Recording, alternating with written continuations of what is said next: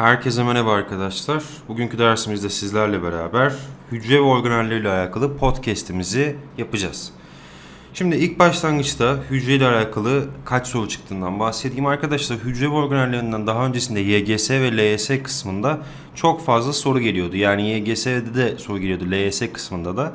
Fakat bu konu çok temel bir konu olduğu için yani biyolojinin temel konularından bir tanesi olduğu için değerli arkadaşlarım ee, ve TYT ve AYT'de soru sayımız azaldığı için TYT 2020'de gelme ihtimali var. AYT kısmında gelmez ama bununla alakalı bağlantılı şeyler gelecektir. Yani hücrenin yapısını bilmeden, prokaryot, ökaryot hücreyi bilmeden yorum yapmanız mümkün değil. Bu yüzden de arkadaşlar bu konu temel biyoloji açısından önemlidir ve 2020 TYT'de de soru gelme ihtimali vardır. Dilerseniz başlayalım. İlk başlangıçta hücre ile ilgili tarihsel gelişimden bahsedeceğiz. Başlangıç aşaması için baktığımızda hücre arkadaşlar ilk olaraktan kim tarafından ortaya konmuştu? Robert Hooke amcamız tarafından 1665 yılında e, odacık anlamına gelen selüla kavramını ortaya koymuştu. Tabii bunun e, hücre kavramını ortaya koymadan öncesinde birkaç tane çalışma yapılmıştı. 1900, 1595 yılında Zacharias Janssen arkadaşlar e, teleskobu temizlerken arkadaşlar ne yapmıştır? E, merceklerle cisimleri büyütebileceğini göstermiştir. Yani Zacharias Janssen çalışmalara başlıyor. Daha sonrasında bunu Galileo amcamız ne yapıyor arkadaşlar? E, geliştiriyor. Yani mikroorganizmaları görmeyi sağlıyor. Sonrasında Leeuwenhoek amcamız ise arkadaşlar lenslerle yaptığı çalışmasında ilk basit bakın basit mikroskobu ne yapmıştır? Tasarlamıştır. O zaman ilk basit mikro, mikroskobu kim tasarlamıştır? Leeuwenhoek amcamız tasarlamıştır diyebiliriz. Tabi hücre kavramını ortaya atan adam ise arkadaşlar kim olacaktır? Robert Hooke amcamız olacaktır. Daha sonrasında ise yıllar yıllar geçmiş tabi. Daha sonrasında ise Todor Schwann ve Matthias Schleiden arkadaşlar ne yapmışlardır? Hücre teorisini ortaya atmışlardır diyebiliriz. Tabi burada hücre teorisi arkadaşlar çok önemli bir yer kazanıyor. Yani o zamanın şartlarında hücre teorisinde yani hücrenin ne anlama geldiğini, canlıların nasıl hücrelerden meydana gelebildiğini arkadaşlar kanıtlayan bir teori olaraktan adlandırılıyor arkadaşlar. Ee, ona gelmeden önce bir şeyden daha bahsetmekte fayda var. Mikroskop çeşitlerine baktığımızda ışık mikroskobu ve elektron mikroskobu olaraktan iki çeşitimiz var. Işın mikroskobuna baktığımızda ışık mikroskobuna daha ucuz e, bir yapıya sahip. Yani 2000-3000 liraya iyi bir ışık mikroskobu alabilirsin. Burada sadece 100 kat büyütme sağlayabilirsin. Yani bakterileri görebilirsin. İşte e, küçük tek hücreleri görebilirsin. İşte protist alemdeki canlıları falan görebilirsin. Ama virüsleri falan göremezsin. Virüsleri görmen için ise neye ihtiyacın var?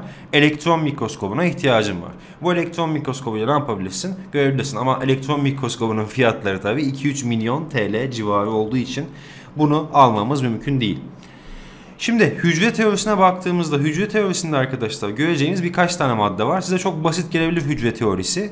Ama hücre teorisinde arkadaşlar bu maddeleri bilmemiz bizim işimize yarayacaktır ilerleyen aşamalarda.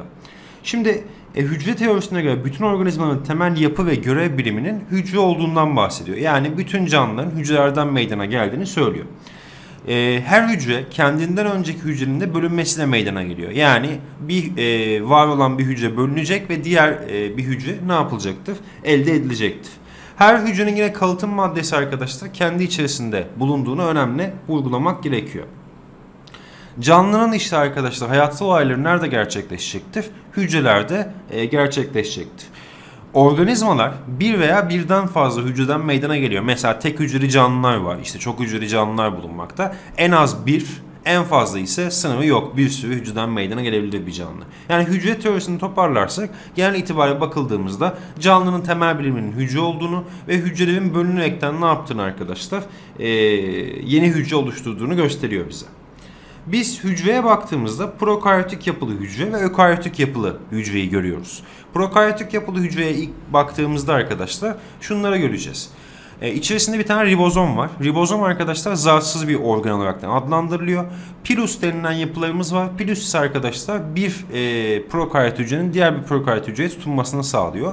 Kamçımız var. Kamçı hareket özelliğine sahip arkadaşlar. İçerisinde DNA ve RNA'da bulunuyor. Bakın DNA hem DNA hem de RNA ne yapabiliyor?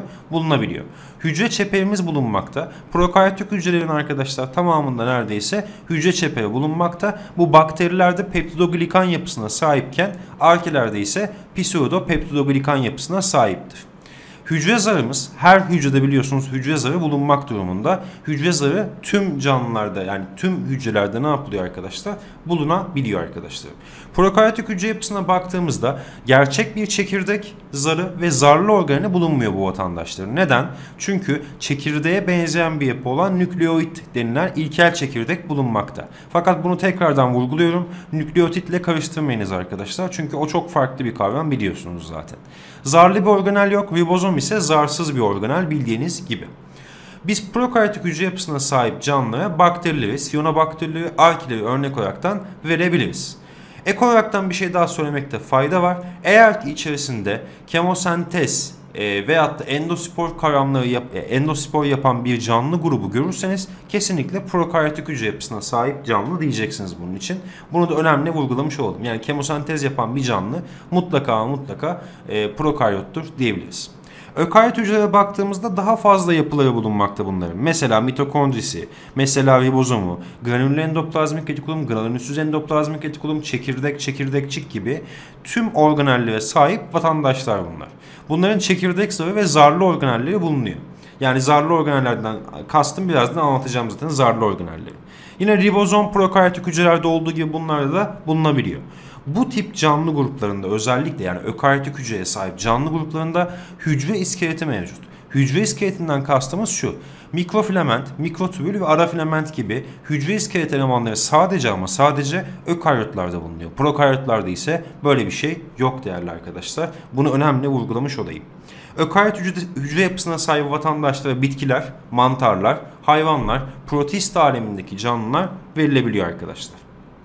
Biz prokaryot ve ökaryot hücreyi kıyaslarsak eğer ki karşılaştırırsak yani bunlar benzer yapıda hücre zarına sahiptir. Yani hem prokaryot hücrede hem de ökaryot hücrede arkadaşlar ne yapacaktır? Benzer yapıda arkadaşlar ee, hücre zarı meydana gelecektir. Şimdi burada belirli bir şey daha söyleyeceğim size. E, bu da önemli arkadaşlar. Genetik bilginin DNA aracılığıyla kodlanması ve aktarılması da arkadaşlar benziyor. Yani hem DNA prokaryotik hücre yapısına e, sahip canlılarda var hem de DNA ökaryotik hücre yapısına sahip canlılarda bulunmakta. Yine protein sentez aşamaları da ne yapıyor arkadaşlar? Prokaryot ve ökaryotlarda benziyor. Bunun haricinde glikoliz denilen vatandaş da ne yapıyor arkadaşlar? Yani tüm canlılarda ortaktır biliyorsunuz. Glikoliz, glikozun parçalanması bundan pürüvik asit elde edilmesi. Bu tüm canlılarda arkadaşlar ortaktır. Bundan da ATP kazanılıyor.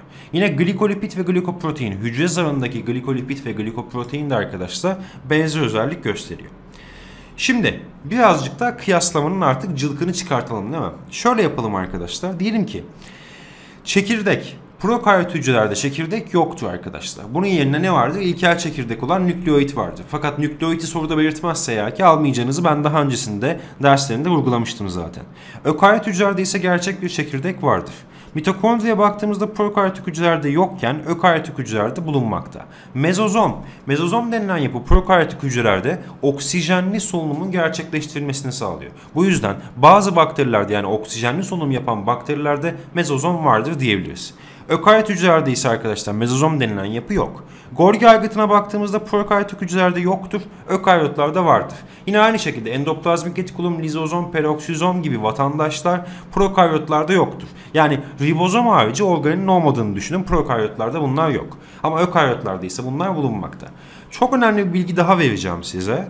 Kromozom dediğimiz zaman kromozomlar arkadaşlar prokaryot hücrelerde daireseldir. Ökaryotlarda ise doğrusaldır. Kromozomlarda histon proteini bulunma özelliği arkelerde ve ökaryotlarda vardır. Bakın bu bilgi önemlidir. Karşınıza çıkabilir. Kromozomlarda histon protein taşınması arkelerde, prokaryotlardan arkelerde ve ökaryotlarda açığa çıkmakta. Fakat bakterilerin kromozomlarında histon proteinleri bulunmayacaktır değerli arkadaşlar. Önemli bu da. Kamçı yapısı ise hem prokaryotlarda bulunmakta hem de ökaryotlarda protist alemindeki mesela öglenada kamçı bulunmakta arkadaşlar. Bunu da söylemiş oldum. Yine hücre iskeleti sadece ökaryotlarda bulunmakta. Klorofil ise arkadaşlar prokaryotların fotosentez yapan adamlarında ne yapacaktır? Bulunacaktır. Ökaryotlarda ise klorofil denilen yapı kloroplastın içerisinde bulunacaktır. Örnek bitkilerde bulunabiliyor mesela arkadaşlar. 2019 TYT kısmında bir tane soru gelmişti. Prokaryot ve ökaryot hücre kıyaslamasına ait. Bu soruyu da ben video derslerde ne yapmıştım zaten çözmüştüm değerli arkadaşlar. Bilginiz olsun.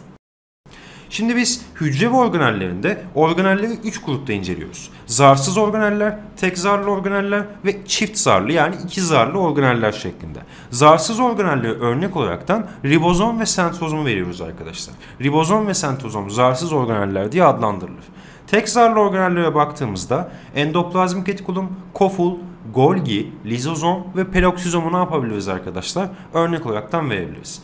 Çift zarlı organellere baktığımızda ise mitokondri ve plastitler örnek olaraktan verilir. Yine organel olmamasına karşın arkadaşlar çekirdek de çift zar taşımaktadır. Plastitler ise kendi arasında kloroplast, kromoplast ve leukoplast şeklinde ayrıştırılmakta. Biz şimdi ufak ufak ne yapacağız? Organellerin bazılarının, bazı hepsinin yine özelliğini vereceğiz ama çok önemli özelliklerini podcast'te özellikle vermek istiyorum. Endoplazmik retikuluma baktığımız zaman arkadaşlar içerisinde e, eğer ki madde taşınmasıyla alakalı bir şey görüyorsanız bu endoplazmik retikulumun en baba görevlerinden bir tanesidir. Madde taşınmasında görevli bu vatandaş. Bu vatandaş olgun alveolar hücresinde ne yapmıyordu zaten bulunmuyordu. Olgun alveolar hücresine Allah hiçbir şey vermemiş demiştim size. İşte bu yüzden de olgun alveolar hücresinde bulunmuyor bu vatandaşlar. Endoplazmik retikuluma baktığımızda arkadaşlar en önemli göze çarpan özelliklerden bir tanesi çekirdeğe yakın bulunmasıdır. Yani çekirdeğin kıvrımlarına yakın şekilde bulunmakta endoplazmik retikulum. Kendi içerisinde iki şekilde inceleniyor endoplazmik retikulum. Bir tanesi granüllü endoplazmik retikulum. Bu ribozom taşıyorsa eğer ki granüllü endoplazmik retikulum diye adlandırılıyor. Bir tanesi ise ribozom bulundurmayan türü. O da granülsüz endoplazmik retikulum veyahut da düz endoplazmik retikulum diye adlandırılıyor. Bir hücrede hem granüllü endoplazmik retikulum hem de granülsüz endoplazmik retikulum ne yapabilir? Bulunabilir arkadaşlar. Şimdi peki granüllü endoplazmik retikulumun özelliği ne? Granülsüz endoplazmik retikulumun özelliği ne? Granüllü endoplazmik retikulumda protein sentezi yoğun olaraktan gerçekleşir. Yani protein sentezinin yoğun olarak gerçekleştiği organel granüllü endoplazmik retikulumdur. Fakat lipid yani yağ veyahut da karbonhidrat sentezinin yoğun olarak gerçekleştiği e, endoplazmik retikulum hangisidir diye sorarsa ÖSYM granülsüz endoplazmik retikulumu ne yapacaksınız? Alacaksınız. O zaman protein sentezinin yoğun olarak gerçekleştiği granüllü, yağ ve karbohidrat sentezinin yoğun olarak gerçekleştiği granülsüz endoplazmik retikulum diye adlandırılır. Başka bir özelliğimiz daha var arkadaşlar. Bunu da söylemekte fayda var. Granülsüz endoplazmik retikulum sadece yağ ve karbonhidrat sentezinde değil farklı şeylerde de etkindir. Mesela arkadaşlar kas hücrelerinin kasılabilmesi için gerekli olan kalsiyumu depo etme görevine sahip. Ve belki de granülsüz endoplazmik retikulumun en önemli özelliği karaciğer hücresinde yağ metabolizmasında görev alması. Yani e, ben mesela bir ilaç içtim. Bu ilaç toksik bir madde içeriyor. Bu ilacın arkadaşlar zararlı maddeleri ne yapıyor arkadaşlar? Zararsız hale getirmeyi sağlıyor. Granülsüz endoplazmik retikulum karaciğerle çalışır ve toksik olan maddeleri ne yapar? Vücuttan ayrıştırmaya e, önemli e, rol oynuyor arkadaşlar. Granülsüz endoplazmik retikulum. Bence benim favorilerimden bir tanesi her zaman granülsüz endoplazmik retikulumdur. Şimdi bir şey daha belirtmekte fayda var. Bermuda şeytan üçgeni denilen benim böyle isimlendirdiğim arkadaşlar 3 tane organelimiz var. Bunlardan bir tanesi endoplazmik retikulum, bir tanesi Golgi, bir tanesi ise lizozom. Endoplazmik retikulum Golgi'yi oluşturur. Golgi ise arkadaşlar lizozomu oluşumuna e, rol oynuyor. Yani endoplazmik retikulumda bir protein oluşturulduğu zaman bunu Golgi'ye aktarıyor. Golgi ise salgılama görevinde e, yer alıyor. Lizozom ise arkadaşlar Golgi'nin parçalarından meydana gelen bir organeldir. Bunu unutmayınız mutlaka tamam Endoplazmik retikulum bu şekildeydi. Şimdi ise Golgi aygıtı yani diktiyozoma bakacağız. Golgi aygıtına baktığımızda yine her zaman olduğu gibi olgun alveolar hücrelerinde ne yapmıyor arkadaşlar? Bulunma özelliğine sahip değil. Bunun haricinde sperm hücresinde de arkadaşlar bulunmuyor bilginize. Peki Golgi aygıtı ne halta eriyor? Golgi aygıtının en önemli görevlerinden bir tanesi arkadaşlar endoplazmik retikulumdan ne gelmişti? Karbohidrat, yağ ve protein gelmişti. Bu endoplazmik retikulumdan gelen karbohidrat, yağ ve proteinleri Golgi ne yapıyor? Glikolipid ve glikoproteine dönüştürüyor. Yani glikoza lipid ekliyor. Yine glikoza arkadaşlar protein ekliyor. Yine aynı şekilde lipite ise yine protein ekleyebilir. Lipoprotein oluşur bundan da. İşte bakın bu glikoprotein, glikolipid ve lipoprotein arkadaşlar hücre zarında temel görevleri olan adamlardır. Bu yüzden Golgi denilince aklımıza glikolipid, glikoprotein ve lipoprotein yaptığı ve salgı hücrelerinde bol miktarda bulunduğu mesela tükürük bezinde bol miktarda bulunduğunu önemli vurgulamakta fayda görüyorum arkadaşlar. Peki Golgi sadece bunu mu yapıyor? Hayır. Hücre zarının yenilenmesini de arkadaşlar Golgi ne yapıyor? Gerçekleştiriyor. Bakın yine önemli bir özellik olan apoenzim kofaktör ilişkisinin gerçekleştirilmesi. Biliyorsunuz apoenzim protein kısımda kofaktör ise arkadaşlar mineral bir yapıya sahipti. Bu apoenzim kofaktör ilişkisinin gerçekleştirilmesi yani bağlanmasını da Golgi sağlıyor. Ve önemli bir özelliği daha var Golgi'nin arkadaşlarım. Bu da pektin yani bitkilerde duvar yapısına katılan pektin gibi polisakkaritlerin üretilmesini ne yapıyor arkadaşlar? Sağlıyor. Daha öncesinde ÖSYM bunu arkadaşlar ÖABT sınavında sormuştu bilginize. Yani bitkilerde sentezlenen pektin maddesini hangi organel sentezliyor diye sormuştu. Geldik şimdi lizozoma. Lizozom ise bakın yine Bermuda şeytan üçgeninde düşünün arkadaşlar. Endoplazmik retikulum demiştik başlangıçta. Sonrasında Golgi, sonrasında ise lizozom var demiştik. Lizozom arkadaşlar ağıl yuvarları hariç bütün hayvansal hücrelerde ne yapıyor? Bulunabiliyor arkadaşlarım. Lizozomun şöyle bir özelliği var. Lizozom hayvan hücresinde bulunabildiği gibi arkadaşlar bitki hücresinde ilkel bitkilerde de arkadaşlar ne yapılıyor? Bulunabiliyor. Fakat ilkel bitkilerde, bitkilerde bulunan organele biz direkt lizozom demiyoruz da içerisinde sindirim enzimleri taşıyan bir yapı diyoruz.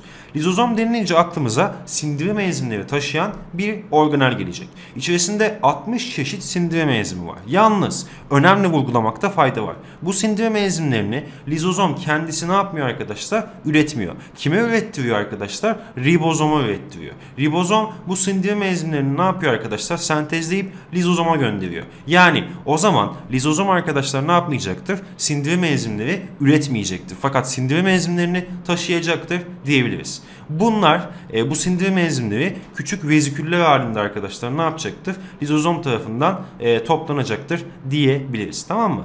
Lizozom aynı zamanda sindirimde görevlidir. Fakat şöyle bir şey daha yapıyor lizozom arkadaşlar. Yaşlanmış hücreleri parçalıyor. Ve ortadan ne yapıyor arkadaşlar? Kaldırma görevine sahiptir. Yine bunun haricinde savunma yapan hücrelerde sayısı fazlacadır arkadaşlar. Çünkü sindirimi ne yapıyor? Gerçekleştiriyor. Yani e, lizozomlar bakteri, virüs ve bunların toksik maddelerini etkisiz hale getirebiliyor. Yine hücrenin kendi kendini sindirmesini de sağlıyor arkadaşlar lizozomlar. Lizozomun içerisinde bulunan sindirim enzimleri kazayla sitoplazmaya dökülürse eğer ki hücre kendi kendine sindiriyor arkadaşlar. Yani lizozomdaki sindirim enzimleri e, döküleceği yerdeki bütün vatandaşları ne yapıyor? E, sindirme görevine sahip.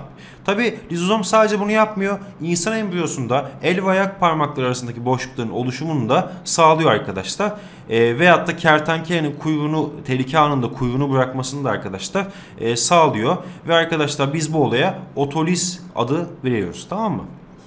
Lizozomla alakalı bunlardan bahsettim. Şimdi ise ribozoma geçiyorum. Ribozoma baktığımız zaman ise arkadaşlar tabii ki sadece protein sentezinde görevli demeyeceğiz.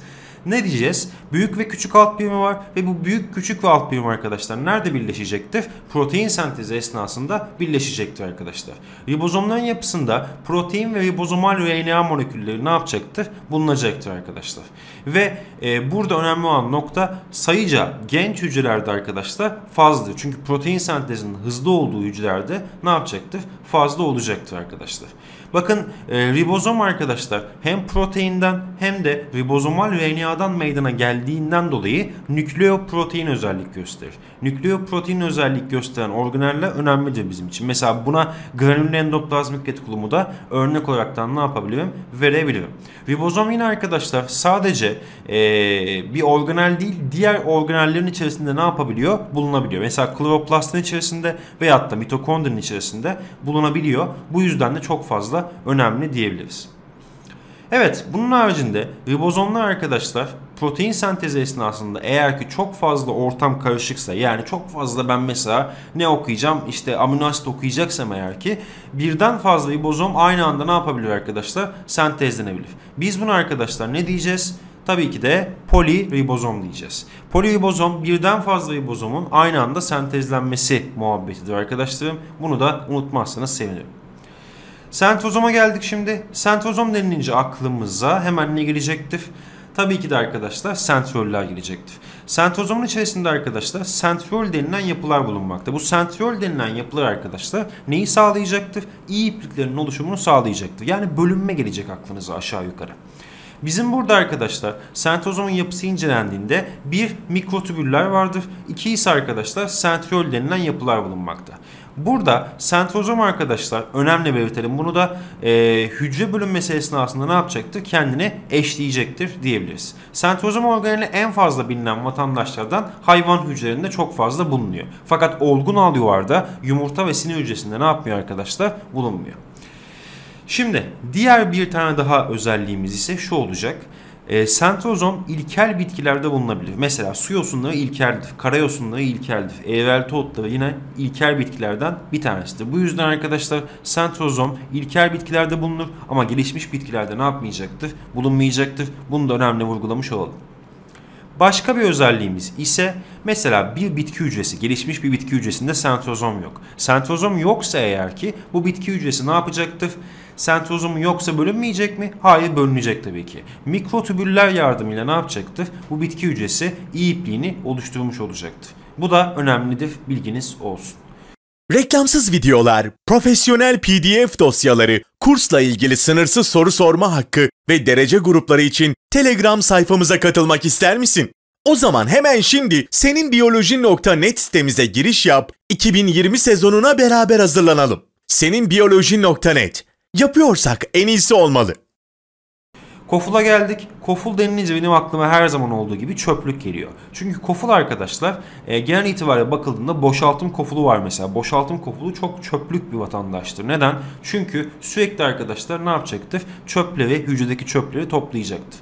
Biz kofullara baktığımız zaman Golgi aygıtı, endoplazmik retikulum, hücre zarı ve çekirdek zarı tarafından oluşturabildiğini görüyoruz. Yani Golgi, endoplazmik retikulum, hücre zarı ve çekirdek zarı bunları ne yapabiliyor? Oluşturabiliyor. Kofullara baktığımızda biz birkaç tane koful inceleyebiliriz. Besin kofulu, boşaltım kofulu, kontraktil koful ve depo kofulu gibi arkadaşlar kofullar bulunmakta. Besin kofulu tabii ki de besin depolayacak ve lizozomla birleştiğinde sindirimi gerçekleştirecek.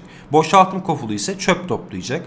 Kontraktil koful önemli burada. Kontraktil kofulu ise arkadaşlar tatlı suda yaşayan tek hücrelerde bulunuyor. Mesela paramesyumda bu ise fazla suyun dışarı atılmasını ne yapacaktır? Engelleyecektir. Yalnız kontraktil koful çalışırken mutlaka ben bir harcama yapmak zorundayım. Bu yüzden ATP harcayacağım bilginize. Depo kofulları ise arkadaşlar ne yapacaktır? Bitki ve hayvan hücresinde yine atıkların depolandığı ve suyun depo edildiği yerdir diyebiliriz. Kofullar genç bitki hücrelerinde çok sayıda ve küçük şekildedir. Fakat bitki yaşlandıkça daha fazla çöp biriktireceği için birazcık daha büyük olacaktır. Mitokondri çok babacan alanlardan bir tanesi. Mitokondriye baktığımızda arkadaşlar üzerindeki yapılardan bahsedersek çift sarlı bir organeldir biliyorsunuz. Bu çift sar taşıdığı için arkadaşlar iç sarı ve dış sarı bulunmaktadır. Yapısında DNA bulunmaktadır arkadaşlar. Ribozomumuz bulunmaktadır yine yapısında. Krista denilen kıvrımlı bir kısım bulunuyor. Bu krista kısmında oksijenli solunum gerçekleştiriliyor. Matrix kısmı ise arkadaşlar sıvı kısmıdır. Matrix kısmında ise arkadaşlar ne olacaktır? Yine oksijenli solunum reaksiyonları gerçekleştirilecektir. Mesela oksijenli solunumun Krebs döngüsü Matrix'te, ETS döngüsü ise Krista kısmında gerçekleştirilir diyebiliriz. Ribozom bulunmak dediğim gibi o zaman protein sentezinde ne yapacaktır? Etkin rol oynayacaktır. Biz ökaryotik hücrelerde e, mitokondriyi ATP üreten bir organ olaraktan ne yapıyoruz? Ee, söylüyoruz. Burada Krista için tekrardan söylüyorum kıvrımlı bir yapının olmasını ve arkadaşlar e, iç yüzeyinin genişlemesini ne yapıyor? Sağlıyor. Matrix denilince ise sıvı kısmı aklınıza gelecek. Mitokondri ile alakalı aslında bilmeniz gereken sadece bunlar. Çünkü biz oksijenli solunum yani solunum canlıların enerji dönüşümleri kısmında bunu zaten detaylı bir şekilde ne yapacağız? Açıklayacağız. Diğer bir vatandaşımız ise plastitler. Plastitler kendi arasında 3 şekilde inceleniyor. Bunlardan bir tanesi kloroplast, bir tanesi arkadaşlar kromoplast ve lökoplast şeklinde adlandırılıyor. Kloroplast esasen bakıldığında çift zarlıdır. Ha bu arada çok fazlaca soru geldiği için onu da cevaplamış olayım. Plastitlerin tamamı çift zarlıdır. Yani kloroplast sadece çift zarlı, diğerleri tek zarlı değildir. Tamamı çift zarlı olarak adlandırılıyor. Kloroplasta baktığımızda Kloroplast yine aynı şekilde çift sarılıdır ve iç sarı ve dış sarı bulunmakta. Bunun arkadaşlar e, mitokondride görüldüğü gibi sıvı kısmı vardır. Ona da biz stroma diyoruz. Aynı şekilde mitokondrida görüldüğü gibi krista kısmının e, diğer bir adı burada. Yani krista kısmına karşılık gelen, mitokondrida krista kısmına karşılık gelen tilokoid zarları vardır. Bu tilokoid zarlarda fotosentez reaksiyonları ne yapacaktır? Gerçekleşecektir. Stromada ise arkadaşlar karanlık evre reaksiyonları yani karbon döngüsü reaksiyonları ne yapacaktır? E, gerçekleşecektir diyebiliriz. Evet, başka ne diyebiliriz peki? Kloroplastta yine kendine özgü DNA'sı, kendine özgü RNA'sı ve ribozomları ne yapacaktı? Bulunacaktı.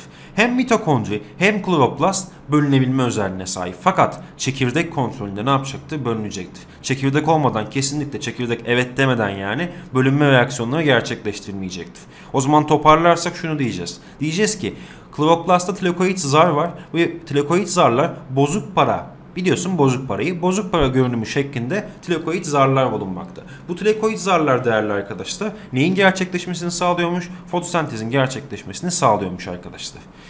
Bu tilakoid zarların arkadaşlar tamamına ise biz ne diyeceğiz? Granum diyeceğiz. Üst üste dizilmiş bozuk paralar düşünün. Buna biz her birine tilakoid zar diyoruz. Tamamına ise granum diyoruz arkadaşlar. Pardon. Stroma'ya baktığımız zaman ise sıvı kısmı diye adlandırılacak. Yine burada da arkadaşlar fotosentez reaksiyonları ne yapacaktır? Gerçekleşecektir. Kloroplast ile ilgili önemli bir şey söylemem gerekirse bu vatandaş kendi ATP'sini kendisi üretir. Fakat bu ATP'yi enerji elde etmek için üretmez. Yani şunu demeye çalışıyorum. Kloroplast bize bir enerji vermez veyahut da bitkiye bir enerji vermez. Kloroplast fotosentez reaksiyonun gerçekleşmesi için gereklidir ve fotosentez reaksiyonunda üretmiş olduğu ATP'yi yine fotosentez reaksiyonunda ne yapacaktır? Kullanacaktır. Geldik diğer bir plastimize. O da kromoplasttır.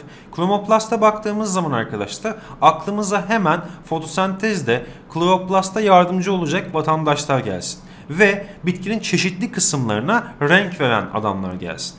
Biz baktığımızda kromoplasta 3 şekilde inceliyoruz. Ksantofiller, likopenler ve karotenler şeklinde. Ksantofil denilince aklımıza sarı renk gelecek. Likopen denilince aklımıza domates mesela gelecek kırmızı renkte. Karoten dediğimiz zaman ise aklımıza havuç gelecek mesela turuncu renk şeklinde. Burada ksantofil, likopen ve karotenin hangi renkleri verdiğini bilmekte fayda vardır arkadaşlar. Kromoplast ve kloroplastların ise mutlaka mutlaka birbirine dönüşebildiğini bilmekte fayda var. Yani bu üç plastiğe baktığımızda kromoplast, kloroplast ve leukoplast birbirine ne yapabiliyor arkadaşlar? Dönüşme özelliğine sahiptir. Üçüncü plastimiz ise lökoplastlardır. Lökoplastlar denilince renksiz, gudubet bir adam gelsin aklına. Lökoplastlar nişasta depoluyor arkadaşlar. Fakat lökoplastların renksiz olmasına rağmen nişastayı depolama görevi iki şekilde inceleniyor. Birincisi bir bitki nişastayı depolayacaksa geçici şeklinde depolayabilir. Bu geçici şeklinde depolama yapraklarda olacaktır. Fakat lökoplastlarda depolayacaksa eğer ki daimi şekilde ne yapıyor depoluyor. Yani şundan bahsediyorum. Geçici nişastada bitki nişastayı yapraklarına depolarken daimi veyahut da kalıcı nişasta kısmında lökoplastlarda depoluyor. Yani lökoplastlarda nişasta geçici olaraktan değil kalıcı olaraktan ne yapacaktır? Depolanacaktır. En fazla görülen e, lökoplastların görüldüğü yer patateslerde mesela çok fazla görülmekte arkadaşlar. Geldik diğer bir vatandaşımıza ve son organelimize peroksizom. Peroksizom denilince aklımıza şu gelecek. Peroksizomlar arkadaşlar neredeyse tüm ökaryot hücrelerde bulunmakta. Ve arkadaşlarım bu vatandaşlar tek zarlı olaraktan adlandırılıyor. Bunlar hem oksitleyici özelliğe sahiptir hem de antioksidan bir özelliğe sahiptir. İçerisinde oksitleyici kavramını görürsen ve hangi organeldir derse peroksizomu alacağını önemli vurgulamış olayım. Ve arkadaşlar peroksizomlar denilince aklınıza başka bir şey daha gelecek. Hidrojen peroksit yani H2O2 biliyorsunuz vücudumuz için çok fazla toksik bir madde. Biz bunu peroksizomdan salgılanan katalaz enzimi yardımıyla H2O2'yi suya ve 1 bölü 2 O2'ye yani oksijene ne yapıyoruz? Parçalıyoruz. Dolayısıyla katalaz enzimini üreten bir organeldir peroksizom. Yine aynı şekilde başka bir özelliği daha vardır arkadaşlar. Bitki tohumlarında çok fazla bol miktarda bulunuyor arkadaşlar peroksizom. Bunu da unutmamakta fayda var. Ayrıca peroksizom organelinin bulunduğu bir organımız var. O da karaciğerdir. Karaciğer tarafından peroksizom organeline katalaz enzimi ne yapar? Ne yapılır? Sentezlettirilir. O zaman peroksizom için şunu diyeceğiz. Oksitleyici etkiye sahiptir. Bitki tohumlarında çok fazla bol miktarda bulunmaktadır. Yine aynı şekilde karaciğerde çok fazla bol bulunuyor ve katalaz enziminin H2O2 yani hidrojen peroksit katalaz enziminin arkadaşlar sentezlenmesinde görevlidir diyebiliriz. Tamam Şimdi ise organelleri bitirdiğimize göre artık arkadaşlar ne yapacağız? Çekirdek ve kısımlarından bahsedeceğiz. Çekirdek ve kısımlarına baktığımız zaman arkadaşlar bunlar birkaç tane yapıya sahip. Mesela biz burada çekirdek zarını konuşacağız şimdi. Yine aynı şekilde çekirdek plazmasını konuşacağız. Çekirdekçiyi konuşacağız ve kromatin ipliklerinden bahsedeceğiz. Değerli arkadaşlar, çekirdek ve kısımları e, bizim dershanelerimizde ve özel okullarda yine özel derslerde çok fazla anlatılmayan ama ÖSYM'nin çok fazla sorduğu kısımlardan bir tanesi. İlk ile başlayalım. Çekirdek zarı yani karyolemma diye adlandırılan. Çekirdek zarı arkadaşlar çift zarla çevrilidir. Yani çekirdeğin etrafı çift zarla çevrili olan çekirdek zarından meydana gelmiştir. Bu çekirdek zarında por denilen bir açıklık mevcuttur. Buradaki porlar hücre zarındaki porlardan daha büyüktür. Bakın önemlidir bu arkadaşlar. Bunu mutlaka mutlaka bilelim. O zaman çekirdek zarı çekirdeği çevreleyen çift katlı zarla çevrili arkadaşlar ve üzerinde açıklıklar var. Bunlara ise por diyoruz. Bunlar ise hücre zarındaki porlardan daha büyükmüş arkadaşlarım tamam mı?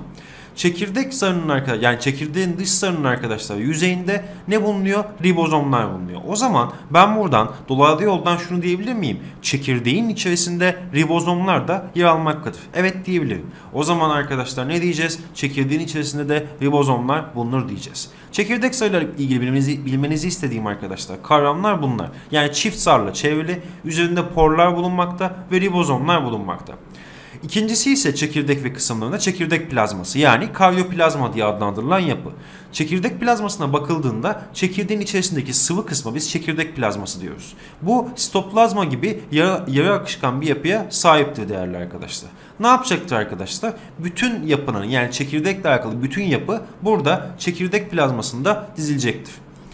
Üçüncü yapımız ise çekirdekte çekirdekçik. Belki de en önemlisi ve ÖSYM'nin geçmiş senelerde soru sorduğu yerlerden bir tanesidir. Çekirdekçiğin diğer bir ismi nükleolustur arkadaşlar. Çekirdekçiye baktığımızda kendine özgü bir zarı olmayan vatandaştır. Fakat ribozomun ve ribozomal RNA'nın üretim yeri diye adlandırılıyor. Yani ÖSYM daha öncesinde neyi sormuştu? Ribozom, e, ribozomun üretim yerini sormuştu. Ve herkes çekirdek ve yapısını çok fazla anlatılmadığı için dershanelerde ve kurslarda zorlanmıştı. İşte çekirdekçiğin e, esas görevi ribozomun ve ribozomal RNA'nın arkadaşlar üretilmesidir diyebiliriz. Çekirdek zarı gibi arkadaşlar çekirdekçik de hücre bölünmesi esnasında kaybol kaybolan bir etkiye sahip sonra ise tekrardan oluşuyor. Kromatin ipliklerine baktığımızda arkadaşlar kromatin iplikleri arkadaşlar ne yapacaktır? Çekirdek plazmasını arkadaşlar sar saran bir etkiye sahiptir. Dağınık bir yapıya sahiptir ve uzun ipliksi bir yapıya sahiptir. Ve burada kromatin ipliklerinde histon protein denilen yapılar vardır. Daha öncesinde söylemiştim arkadaşlar. Histon proteinleri nerede bulunacaktı? Birincisi ökaryotlarda histon proteini bulunurdu. İkincisi ise arkelerde histon proteini ne yapacaktı? Bulunacaktır diyebiliriz arkadaşlar. Bölünme sırasında kromatin iplikleri yoğunlaşaraktan arkadaşlar ne yapacaktır? Kromozomları e, oluşturacaktır. Bölünme bittikten sonra ise kromatin iplikleri arkadaşlar ne yapacaktır? Tekrardan kendi haline geri dönmüş olacaktır. O zaman çekirdek ve yapısına baktığımızda 1. Çekirdek zarını yani karyolemmayı 2. Çekirdek plazmasını yani karyoplazmayı 3. Çekirdekçik yani nükleolusu 4 ise kromatin ipliklerini ne yapacağız göreceğiz. Bu konu önemlidir. Bilginize tekrardan soru gelme ihtimali vardır değerli arkadaşlar. Evet, bugünkü yani bu haftaki podcast'imizi tamamladık arkadaşlar. Bir sonraki haftadaki podcast'imiz ise hücre zarından madde alışverişi olacaktır. Hepinize podcast dinlediğiniz için arkadaşlar teşekkürlerimi iletiyorum. Şimdilik hoşçakalınız, kendinize iyi bakınız sevgili arkadaşlarım.